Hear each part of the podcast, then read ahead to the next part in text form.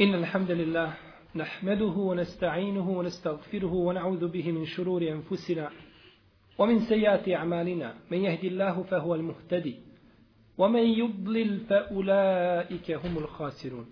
وأشهد أن لا إله إلا الله وحده لا شريك له وأشهد أن محمدا عبده ونبيه ورسوله وصفيه من خلقه وخليله.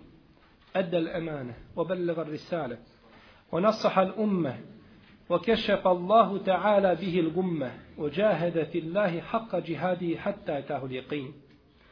يا أيها الذين آمنوا اتقوا الله حق تقاته ولا تموتن إلا وأنتم مسلمون.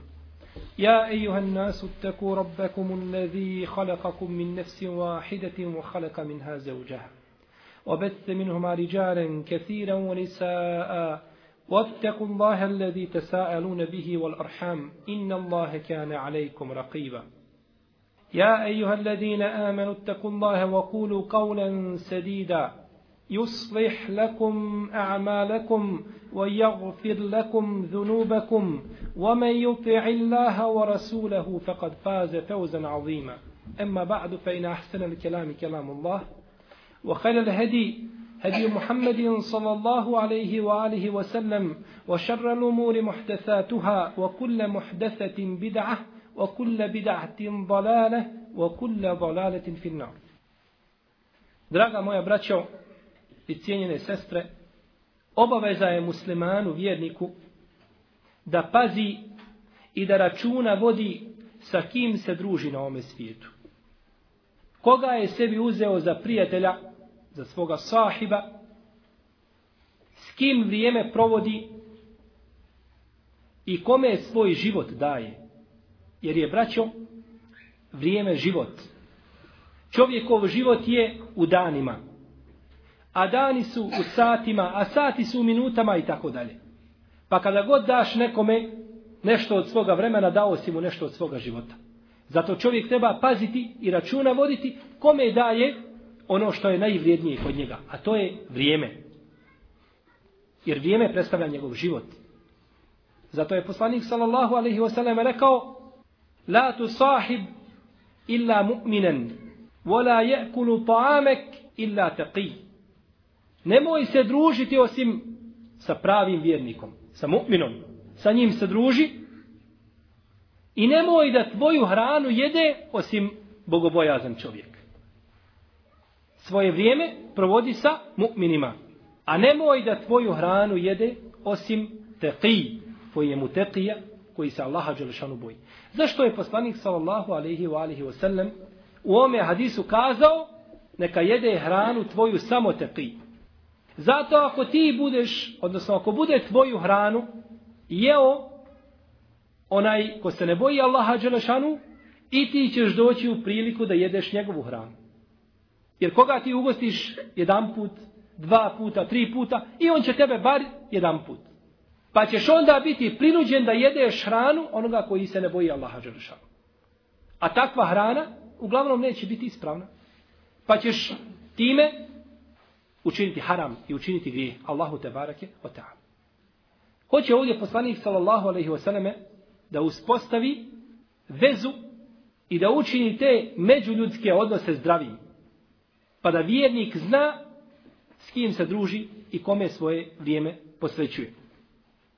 Mi smo govorili o bidatima, o novotarijama, kazali smo kakve su opasnosti novotarija, ili bar neke od tih opasnosti smo spomenuli, kako su to ashabi bili osjetljivi i alergični na novotarije, kako su se obhodili prema novotarima,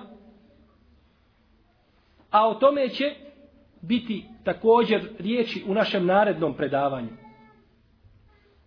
Kada bismo mi danas izolirali se i raskinuli sve veze sa novotarima, vidjeli bismo ih da su manji od makovog zrna.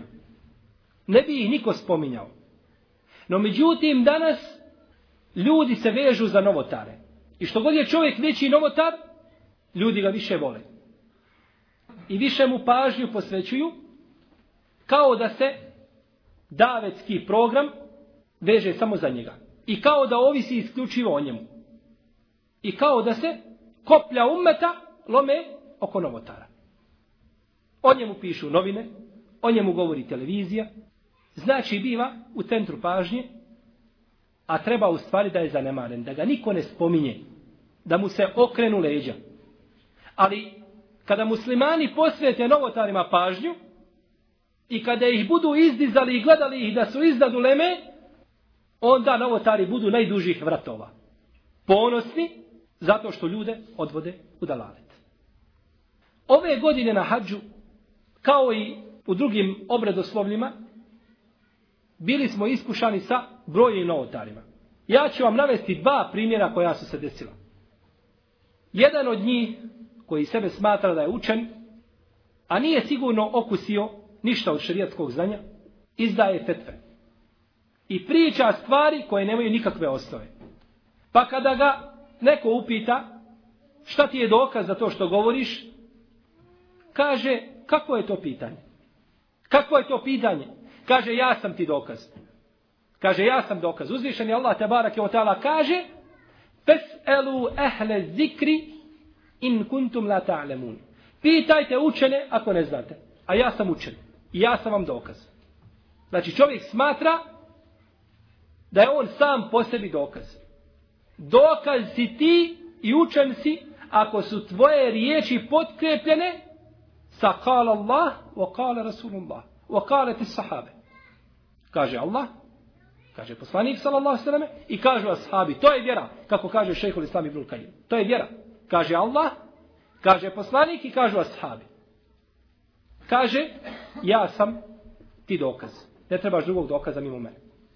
Jedan drugi kada je govorio ljudima i izdao im fetve, kazao je da čovjek može tavafiti tavafu li fada osmi dan dana teorije da može činiti tavafu li fada.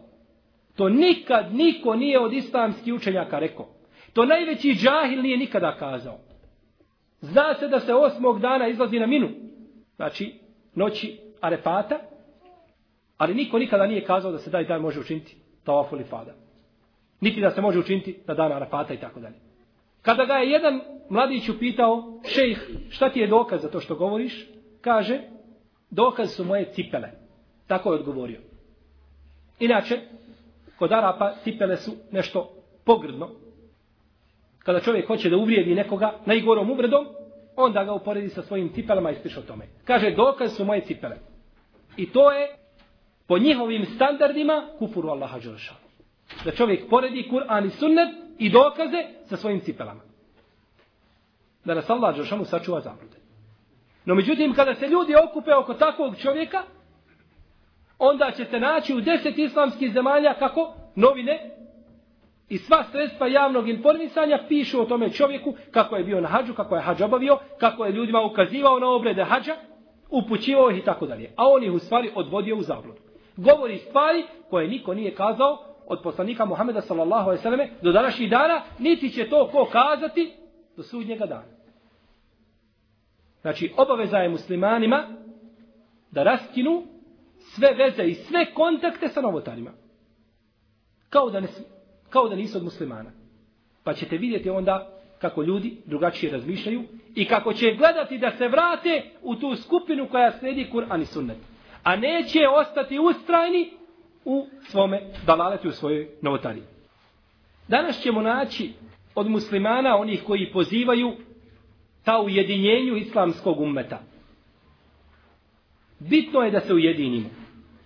Ne gledajući na akaid, ne gledajući kakvog je koja kajda. Bitno je da se ujedinimo. Da se što više brojčano. Pa hoće da spoje između onih koji imaju ispravan akaid, akaid ehlu sunneta vol džemata, i onih koji imaju pokvaren akaid. Pa hoće da spoje onoga ko kaže Allah Đelešanu je na aršu, izvisio se iza arša, sa onim koji kaže Allah Đelešanu je na svakom mjestu. Hoće da spoje. Šta hoće da spoje? Hoće da spoje istinu sa neistinom. Hak i batil. A to se nikada dvoje ne može spojiti. Jedne prilike jedan islamski učenjak je raspravljao sa novotarima u jednoj džami o Allahu Đelešanu. I gdje se nalazi uzvišeni Allah te barake ta. Pa su novotari govorili, kao što smo spominjali, kažu Allah Đelešanu nije ni lijevo, ni desno, ni napred, ni nazad, ni gore, ni dole, niti je u svijetu, niti je mimo njega. Kada je to čuo vladar u to vrijeme, kazao je, ovo su, kaže, ljudi koji su izgubili svoga Boga. Izgubili su Boga, ne znaju gdje je. Niti je lijevo, niti je desno, niti je napred, niti je nazad, niti je gore, niti je dole, niti je u svijetu, niti je van svijeta. Nemaju oni Boga, oni su ga, oni su ga izgubili. Obožavaju, znači, nepostojanje. Nešto što ne postoji. A mezheb ehlu sunnata ul džemata i akaid jeste da se Allah te barake wa nalazi iznad arša. Svojim bićem iznad arša uzvišen. Tebarak je o ta'ala. I na to jasno ukazuje Kur'an i sunnet i konsensus prvih generacija. Uzvišen je Allah Tebarak je o ta'ala na sedam mjesta u Kur'anu spominje ajet u kome se kaže Ar-Rahmanu ala l'arši steva. Ili u tom smislu. Na sedam mjesta Allah se milostivi iznad arša izvisio. Tebarak je o teala. I kaže uzvišeni Ilejhi jes'adu el kelimu tajibu wal amelu salih. Uzvišenom Allahu Đelešanu se diže lijepa riječ i dobro djelo. Diže se Allahu Đelešanu. Ilejhi jes'ad. Njemu se diže tebarak je ta'ala. Pa gdje je to uzvišeni Allah Đelešanu ako mu se dižu dobra djela? Sigurno nije na svakom mjestu. Jer se onda ta djela ne bi dizala. Bileže Buharija i Muslim u svojim vjerodostojnim hadijskim zbirkama da je poslanik sallallahu alaihi wasallam rekao lemma kada Allahu l-khalq ketebe fi kitabihi fehuve indahu fevka l-arš inna rahmeti sebeqat gadabi. Kada je Allah Đelšanu stvorio ljude, zapisao je u svojoj knjizi koja se nalazi kod njega iznad arša. Hadis jasan ko dan. Nemoguće ga je krivo protumačiti. To je nemoguće. Ta se knjiga nalazi kod Allaha Tebara Kjotana iznad arša. A u njoj stoji moja milost je pretekla moju srđbu. Hadis kod Buhari i kod muslima. Treba li jasnije od ovoga Gdje se to nalazi Allah Đelešanu? Također, hadis džarije, one sluškinje, koji je poznat kod ehlu sunnata od džemata, koga bilježe ima muslim u svome sahihu, ima Bebu Davud, Nesai, ima Malik i drugi, u kome se navodi da jedan ashab imao sluškinju, pa je htio osloboditi. Pa je rekao poslanik, sallallahu alaihi sallam, kaže, dovedi mi. Pa je taj ashab doveo tu sluškinju pred poslanika, sallallahu alaihi wasallam, pa je upitao. Gdje je Allah? Prvo pitanje poslanika sallallahu alejhi ve selleme je bilo gdje je Allah? Nije pitao vjeruješ li u Allaha? I koja su to Allahova džošanu lijepa imena i svojstva, nego gdje je Allah? Kaže, fissema, na nebesima. Women ene, drugo pitanje poslanika sallallahu alejhi ve selleme, a kaže ko sam ja? Kalet, ente rasulullah. Kaže ti si Allahu poslanik. Kaže poslanik sallallahu alejhi ve sellem ashabu, kaže oslobodi je, ona je vjernica. I'tiqha fa innaha mu'mina. Oslobodi je, ona je prava vjernica. Neki novotari kažu, poslanik sallallahu alejhi ve je doveo djevojčicu, sluškinju, koja ne zna ništa. Upitao je pitanje, kada je kazala nije Allahov poslanik sallallahu alejhi ve htio da se sa njom raspravlja, da je ubjeđuje, Ona je lepismena, pa je pustio. Kažemo, ovo opravdanje i ovaj tepsir je gori od onoga ko kaže da je ovaj hadis daif. A hadis nije daif, jer je hadis kod muslima njegovom sahihu. Gori. Jer se ovim tefsirom i ovim načinom interpretiranja hadisa vrijeđa poslanik sallallahu alaihi sallam. Prvo Allahov poslanik sallallahu alaihi sallam pita pitanje koje se ne treba pitati. Ne treba on da pita pitanje takvo jedne obične sluškinje. To je prva greška onda poslanika, sallallahu alaihi sallam, po njihovom komentaru. Druga greška jeste što je poslanik, sallallahu alaihi sallam, prešutao njenu grešku. Zna se da poslanik ne smije prešutati ništa od vjere. I nikada nećete, braćo, naći u sunnetu poslanika, sallallahu alaihi sallam, da je prešutao neku grešku nekoga sahaba. Jer se to smatra vjerom. Jer bi odmah bilo prenešeno, tako je i tako učinio Ebu Hureyre ibn Abbas, Ajša i tako dalje nije bitno. I poslanik sallallahu alejhi ve sellem je prešutao. I to odmah bila vjera. To se ne može desiti. I znači poslanik sallallahu alejhi ve sellem je po njihovom komentaru prešutao njenu grešku. Da nas Allah Žešanu sačuva od takvog krivog tumačenja vjere. Vidimo znači da je ovaj hadis jasno ukazuje da se uzvišeni Allah te barak je ta'ala nalazi na nebesima. Preciznije u prethodnom hadisu iznad svoga arša azzavuđel. U hadisu koga također bilježi ima muslim u svome sahihu, ima Mahmed, kaže poslanik sallallahu sallam, je tini haberun mine sema sabahan u mesa'a. Dolazi mi vijest sa nebesa ujutro i na večer. Odakle dolazi poslaniku, sallallahu sallame, haber, i odakle mu dolazi objava? Sa nebesa. Pa da je Allah Žešan na svakom mjestu, onda objava ne bi dolazila sa nebesa, već bi dolazila sa svakog mjesta. Ovo, braćo, što navodimo, ovo je samo jedna kap iz mora dokaza. Tako mi Allaha mogli bi sjediti danima i spomnjati dokaze i mišljenje uleme koji ukazuju da se Allah te barek tala nalazi naš.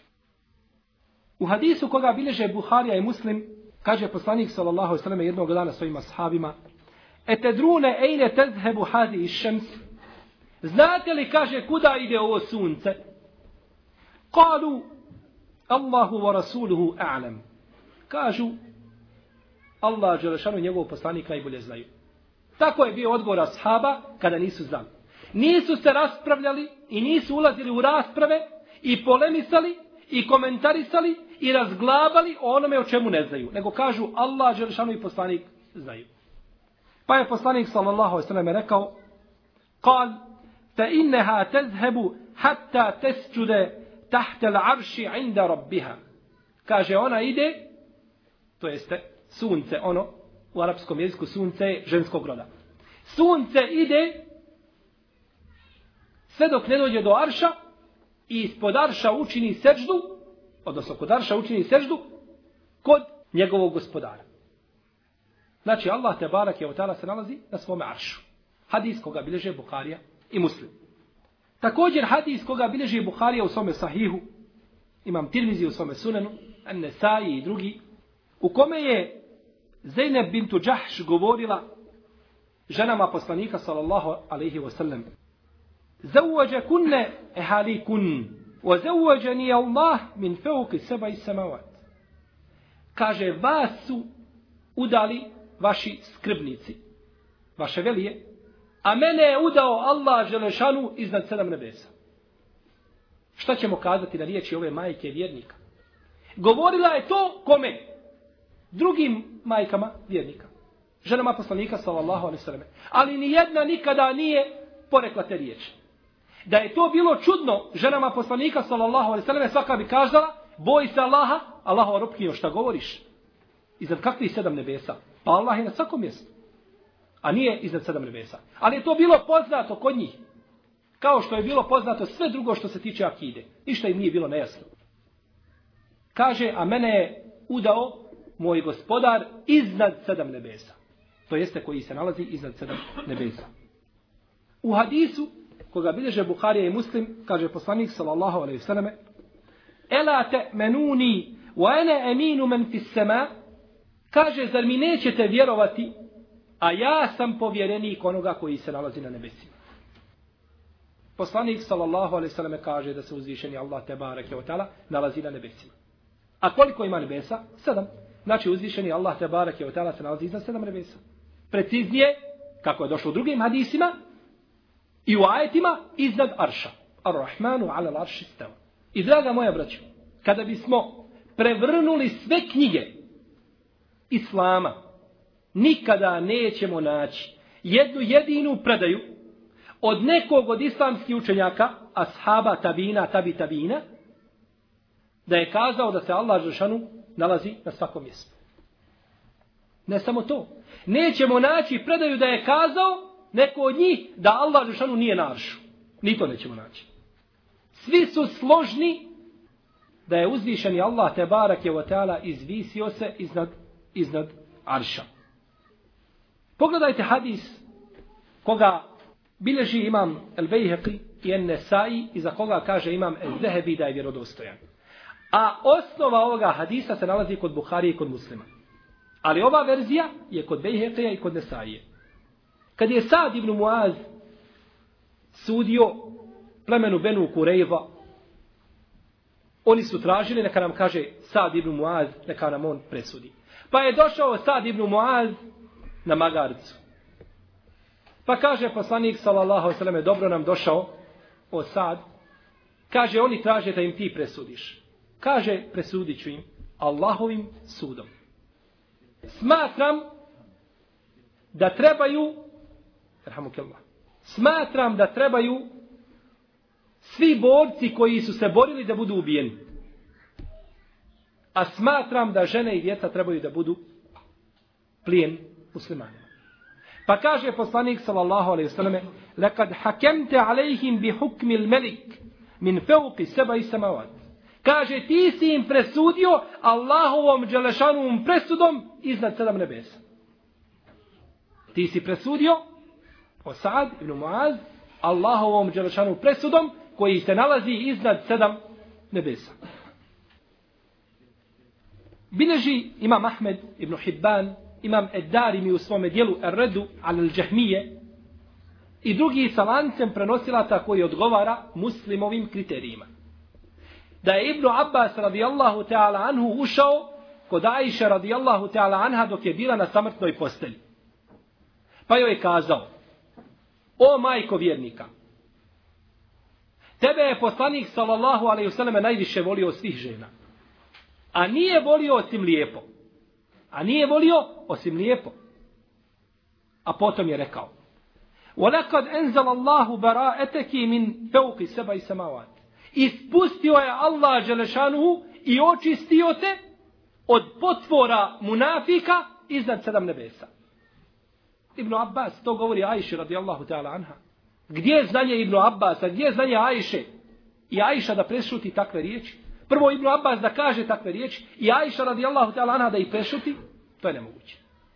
Ali nam to neminovno, braće, ukazuje da su ashabi poznavali i bilo im jasno kao dan da se uzvišeni Allah te barak i utala nalazi iznad, iznad Arša. Bileži imam Bejhaqi u Sunanul Kubra od Ibnu Wahba da je rekao Bio sam jednog dana kod imama Malika A za ovu predaju, draga moja braćo, kaže Hafil ibn Hajar u Fethul Bariju u 13. tomu na 407. strani kaže da je dobra, da je lijepa. I spominje također imame Zehebi u Sijeru E'alam ibn Nubela u osmom tomu na 100. stranici. Kaže Ibn Wahb, bio sam kod imama Malika, pa je rekao jedan čovjek o Ebu Abdullah, to jest obraća se imamu Maliku. Ar-Rahmanu ala larši steva. Allah se Đelešanu nad aršom izvisio. Kejfe steva, kako se je to izvisio? Kako? Objasnim. Pa ima Malik oborio glavu i pocrvenio, naljutio se. Potom je digao glavu i rekao. Ar-Rahmanu ala larši steva, kema wasafe nefsehu, wala yuqalu kejfe o kejf.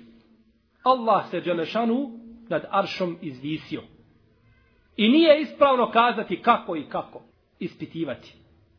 Pa je potom rekao Imam Malik, ente sahibu bid'a, ahriđuhu. Ti si, kaže, novotar, istirajte ga na polje. Pa su ga istirali. Ne možeš ti biti u međlisu sa muslimanima.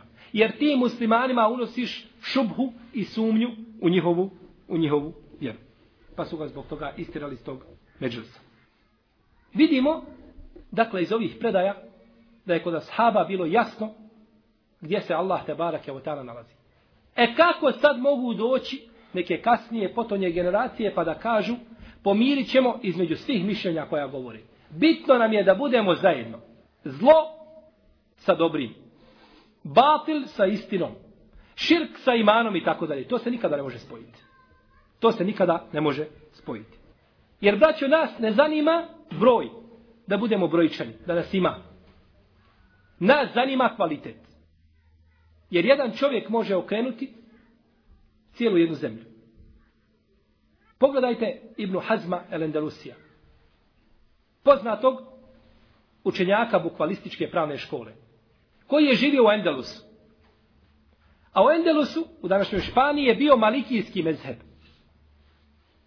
No međutim, on je slijedio vahirijski, taj bukvalistički način a, razumijevanja pravnih dokaza.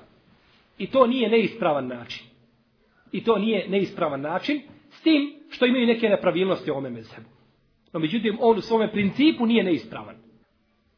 Došao je i širio svoj mezheb u Endelusu. Bio je sam. Nikomu se nije mogao suprostaviti. Svim je malikijama mogu odgovarati i mogu se suprostaviti svim malikijskim učenjacima. I uspio je sam jedan čovjek da raširi svoj mezheb. Nikomu se nije mogao suprostaviti do Ebu Walid el-Bađi. Jedan kadija malikijskog mezheba koji ima svoj poznati komentar na Malikovu muetu koji se zove El-Muntaka koji je štampan danas u devet tomova. Nije mu se mogao niko suprostaviti do ovaj Ebul Walid el-Bađi koji je umro 492. hijđarske godine. Izišao je u Alžir i učio 13 godina malikijski mezheb, pa se vratio, pa je raspravljao sa Ibnu Hazmom. Pa bi nekad pobjedio Ibnu Hazm, a nekad bi povijedio Ebul Walid El Bači. Ali jedan čovjek, znači može, kada je ustrajan i kada se pouči Kur'anu i sunnetu, može sigurno učiniti veliki hajr za vjeru. Zato muslimane ne treba da zanima broj, da mi kažemo, nas je malo. Jeste, možda u čovjekovom srcu, nekad mu teško padne kad vidi malobrojnost muslimana, naročito onih pravi svjesnih muslimana, ali treba u prvom redu da gleda i pazi na kvalitet. Na kvalitet. To je ono što je najbitnije. Pogledajte ashabe poslanika, sallallahu alaihi wa alaihi wa sallam. Izlaze na bedr. Imaju dva konjanika. Izlaze nisu spremni za rat i neće rat. Nisu ciljali rat. Izlaze sa dva konjanika i 300 vojnika. Nešto više od 300 vojnika. I susreću se sa vojskom koja ima hiljadu vojnika spremnih za rat. Koji kolju svakoga dana po deset deva. Susreću se sa takvom jednom vojskom. Nisu imali hrane da jedu. Nisu imali hrane da jedu. Kaže Džabir ibn Abdillah opisivajući ashabe pred Bedr. Kunna nebau temreten tahte lisanina فنمسها كما يمس الصبي ونشرب sabiju الماء فتكفينا يوما إلى الليل ila. Kaže jedan od nas bi stavio jednu temru jednu datulu pod svoj jezik I kaže, sisao bi tu datulu kao što dojenče sisa svoju majku. Samo je znači sok vukao iz te datule. To je što ima. Potom bi popio vode i kaže, to bi mu bilo dovoljno za cijeli dan do naveče. Tako su izišli na bedru. Ni hrane, ni vode, ni vojske, ni spremnosti te materijalne i tako dalje. Ni na kraj pameti nije bilo nekome od njih da će biti rat. da će se odigrati povijesna, presuđujuća bitka za islam. Vi ste htjeli nešto, ali Allah je htio nešto drugo. Vi ste htjeli karavanu i dunjaluk, ali Allah Đelšanu je htio izzati ponos muslimanima.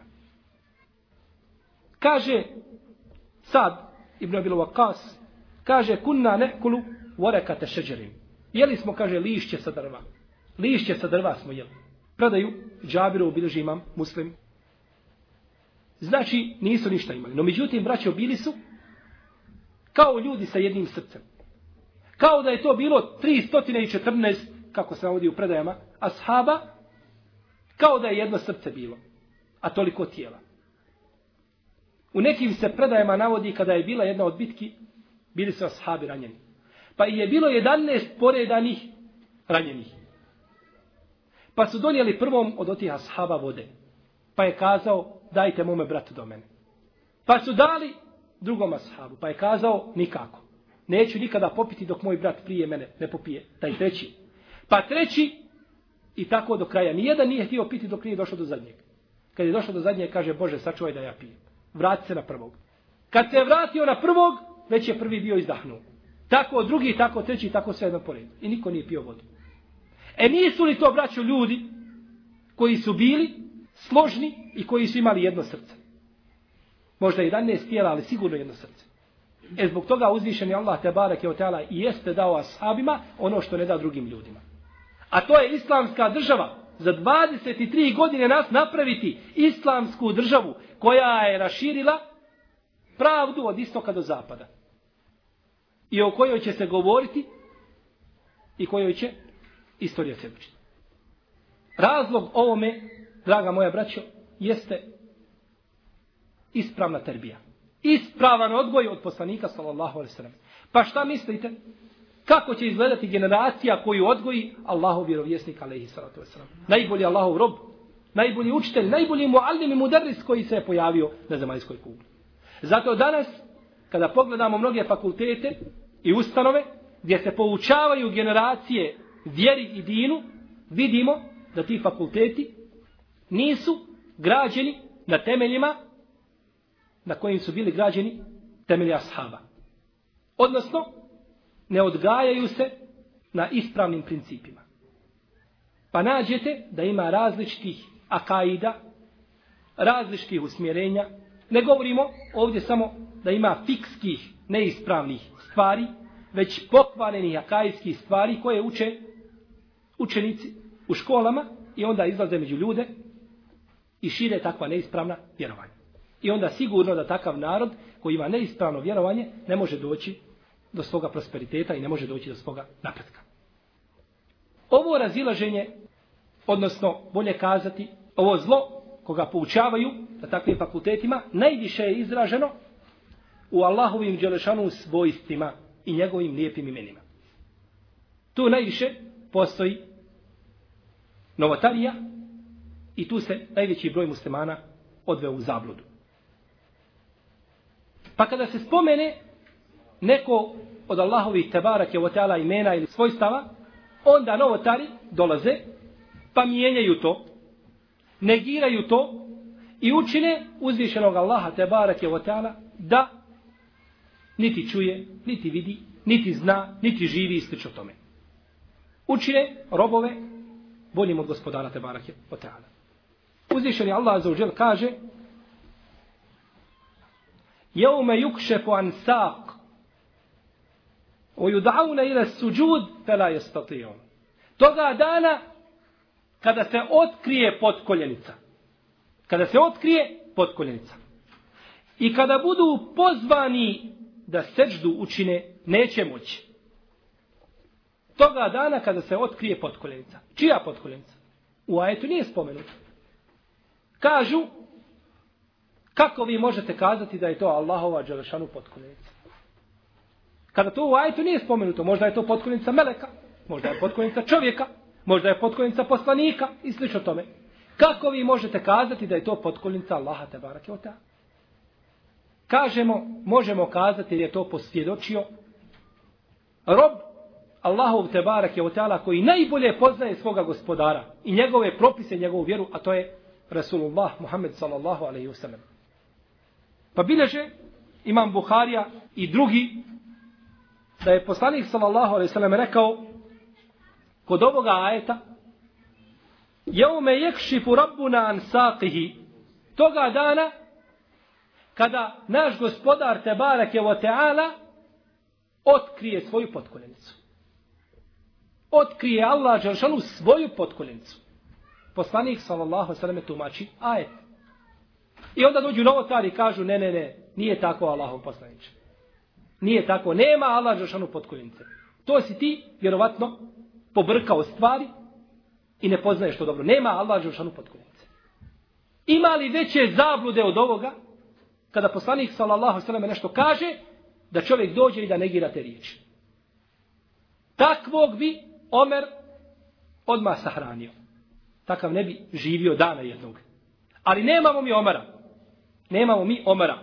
Mi imamo Abdullaha ibn Ubeja i slično njemu, ali nemamo Omara.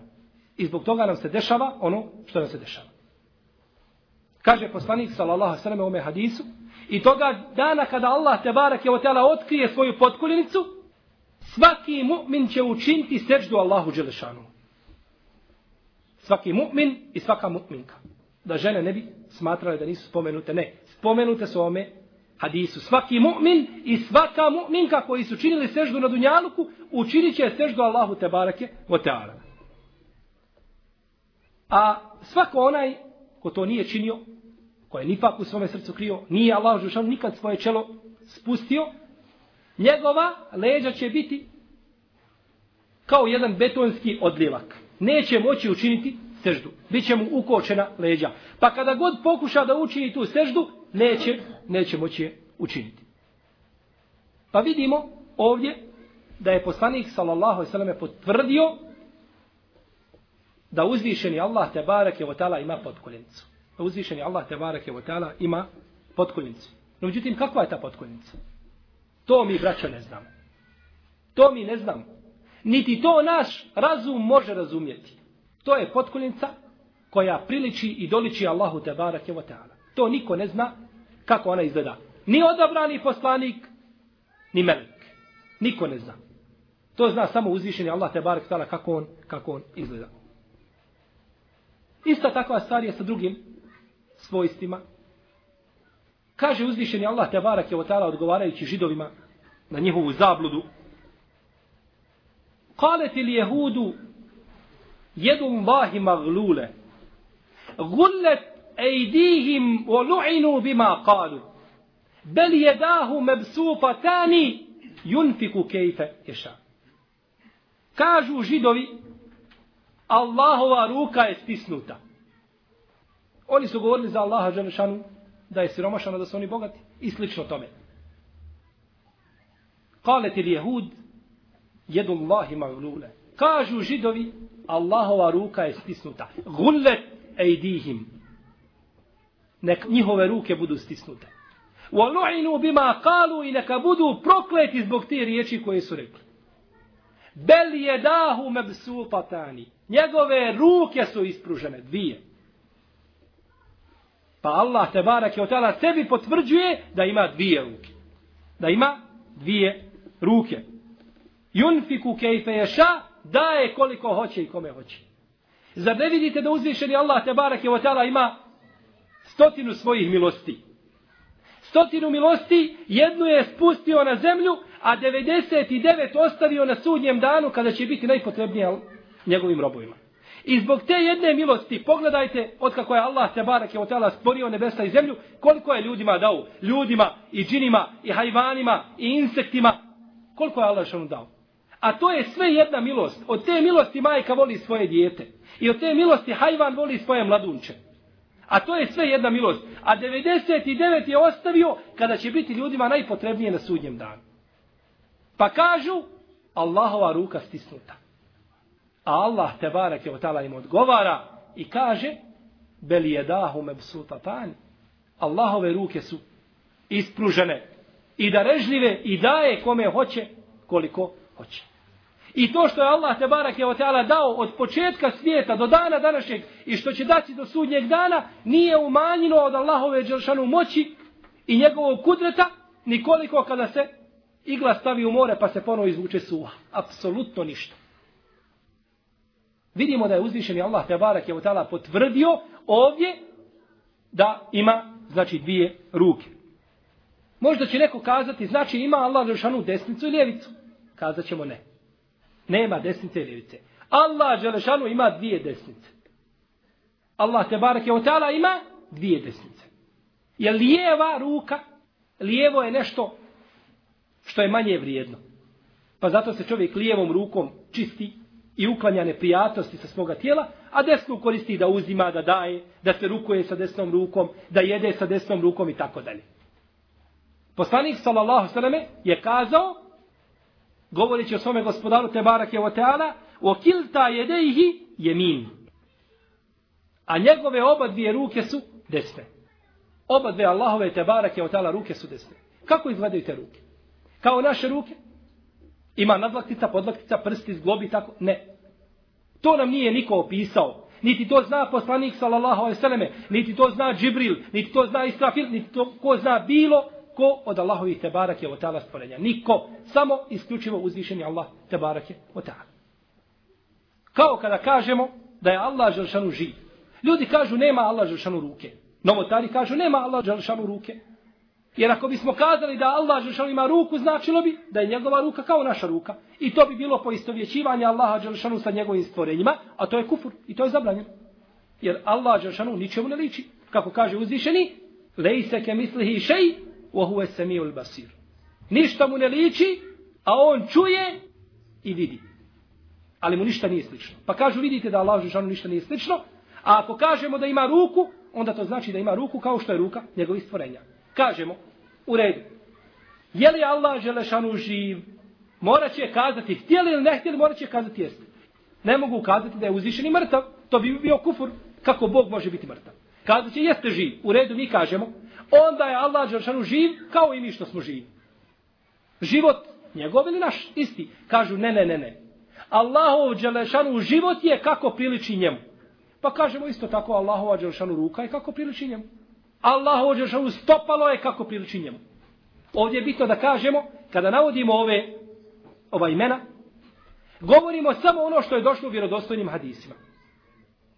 Samo ono što je došlo u vjerodostojnim hadisima. Jer poslanik sallallahu sallam kaže da se džehennem zatresao, pa je Allah Žešanu stavio svoje stopalo u njega dok se nije smirio.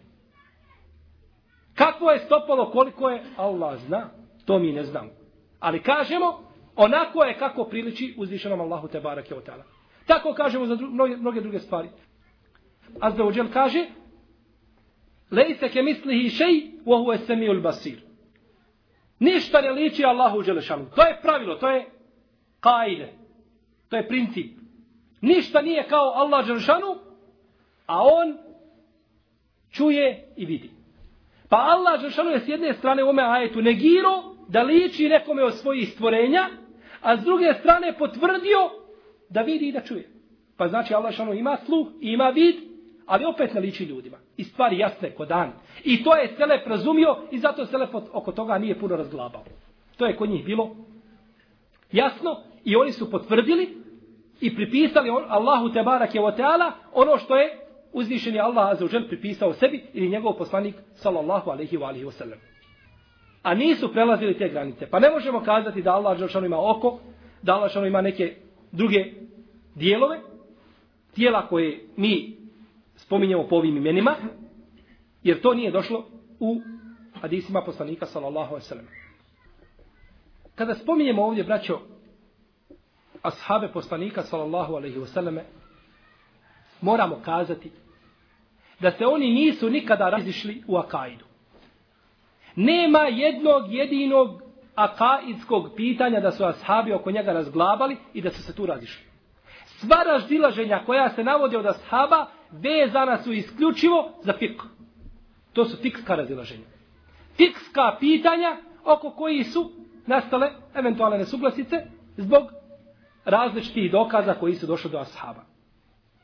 Pa na primjer, razišli su se Ebu Hureyre, Ibn Abbas, U jednom hadisu, kada je Ebu Hureyre radijallahu ta'ala anhu rekao, čuo sam poslanika sallallahu sallam da kaže abdestite se od onoga što je dotakla vatra.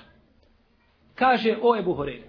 hoću li se abdestiti zbog vode kojom sam se abdestio koju je prethodno dotakla vatra. Ja sam se abdestio sa ugrijanom vodom. Moram li se ponovo abdestiti jer je tu vodu dotakla vatra, a ja sam se abdestio njome. A poslanik sallallahu alejhi ve selleme kaže: abdestite se od onoga što je dotakla vatra. Da li trebam ponavljati znači abdest? Zbog toga što sam se abdestio sa ugrijanom vodom.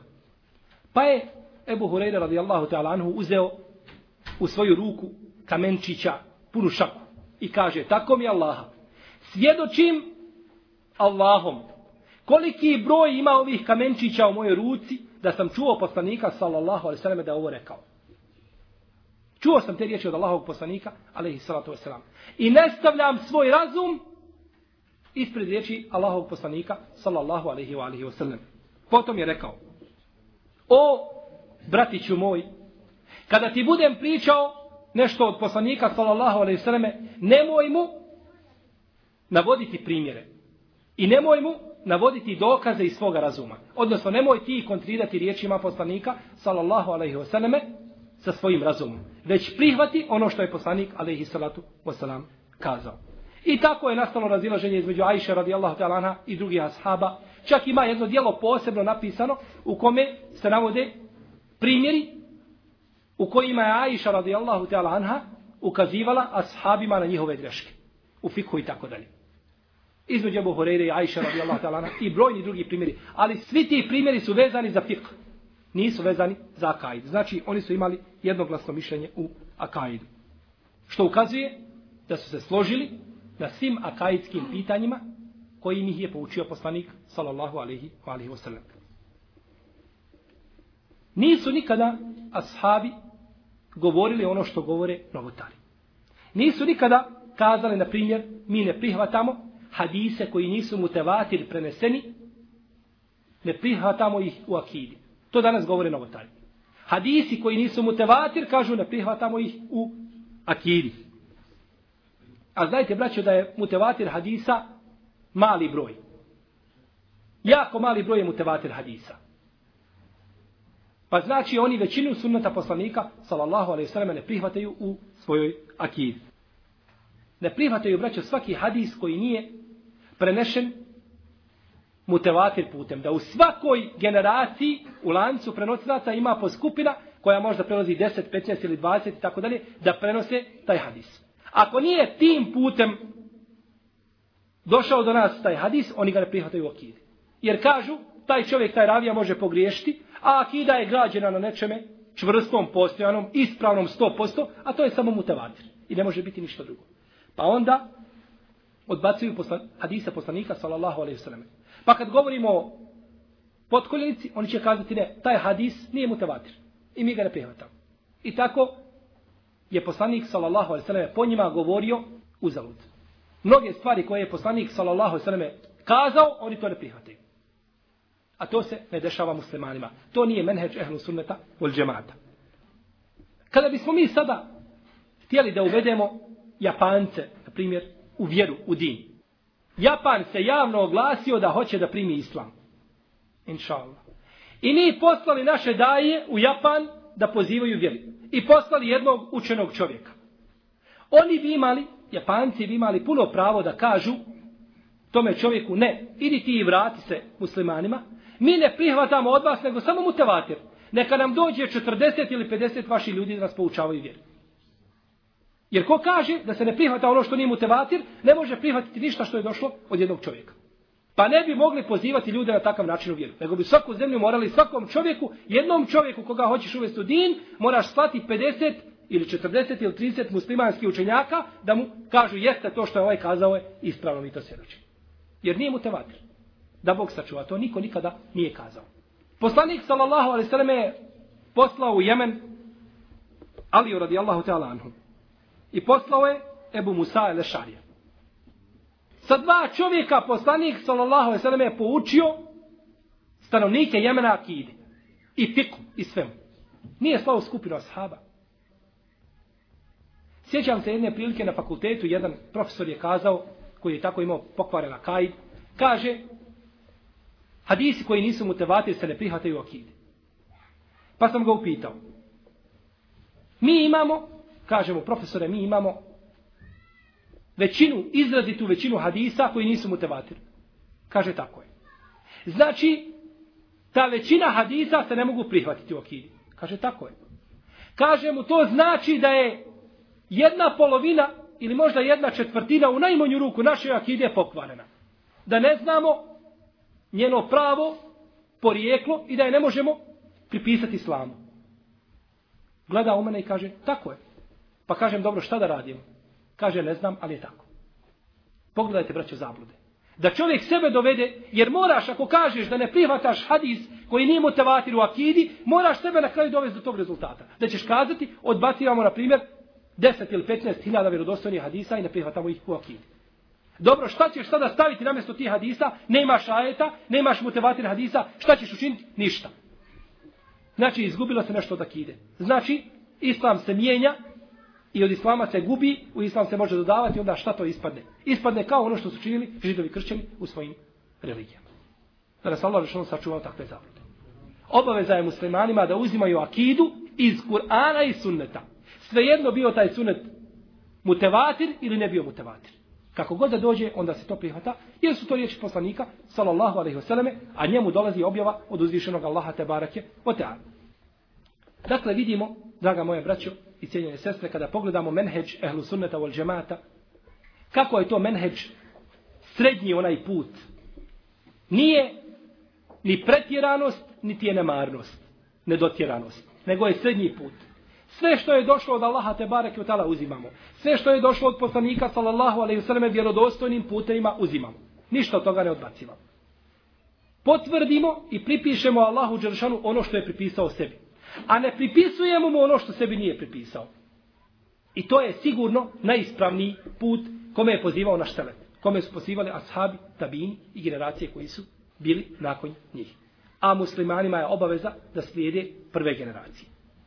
Jer bidati su se pojavili kada su ljudi odvojili se od svoje vjere ili kada su se udaljili od izvornog islamskog učenja, onda, znači, to izvorno islamsko učenje popunjavaju bidati novotarije koji svakako imaju jako štetno dejstvo po ovu vjeru.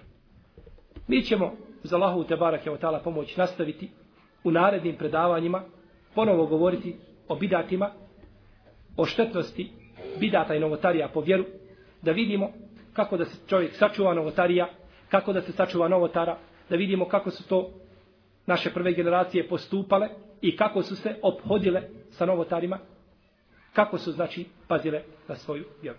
Molimo uzvišenog Allaha za ođel da nas pouči sunnetu poslanika sallallahu alaihi wa da popravi naša djela, naša stanja, stanja naših porodica, da olakša muslimanima cijelom svijetu, da pomogne borce na njegovom putu, i da nas spoji u dženevskim prostranstvima sa poslanikom Muhammedom sallallahu alaihi wa iskrenim dobrom i šehidima a divni svoje tuže. Wa sallallahu ala nabiju Muhammed wa ala alihi wa sallam. Wa jazakum khairu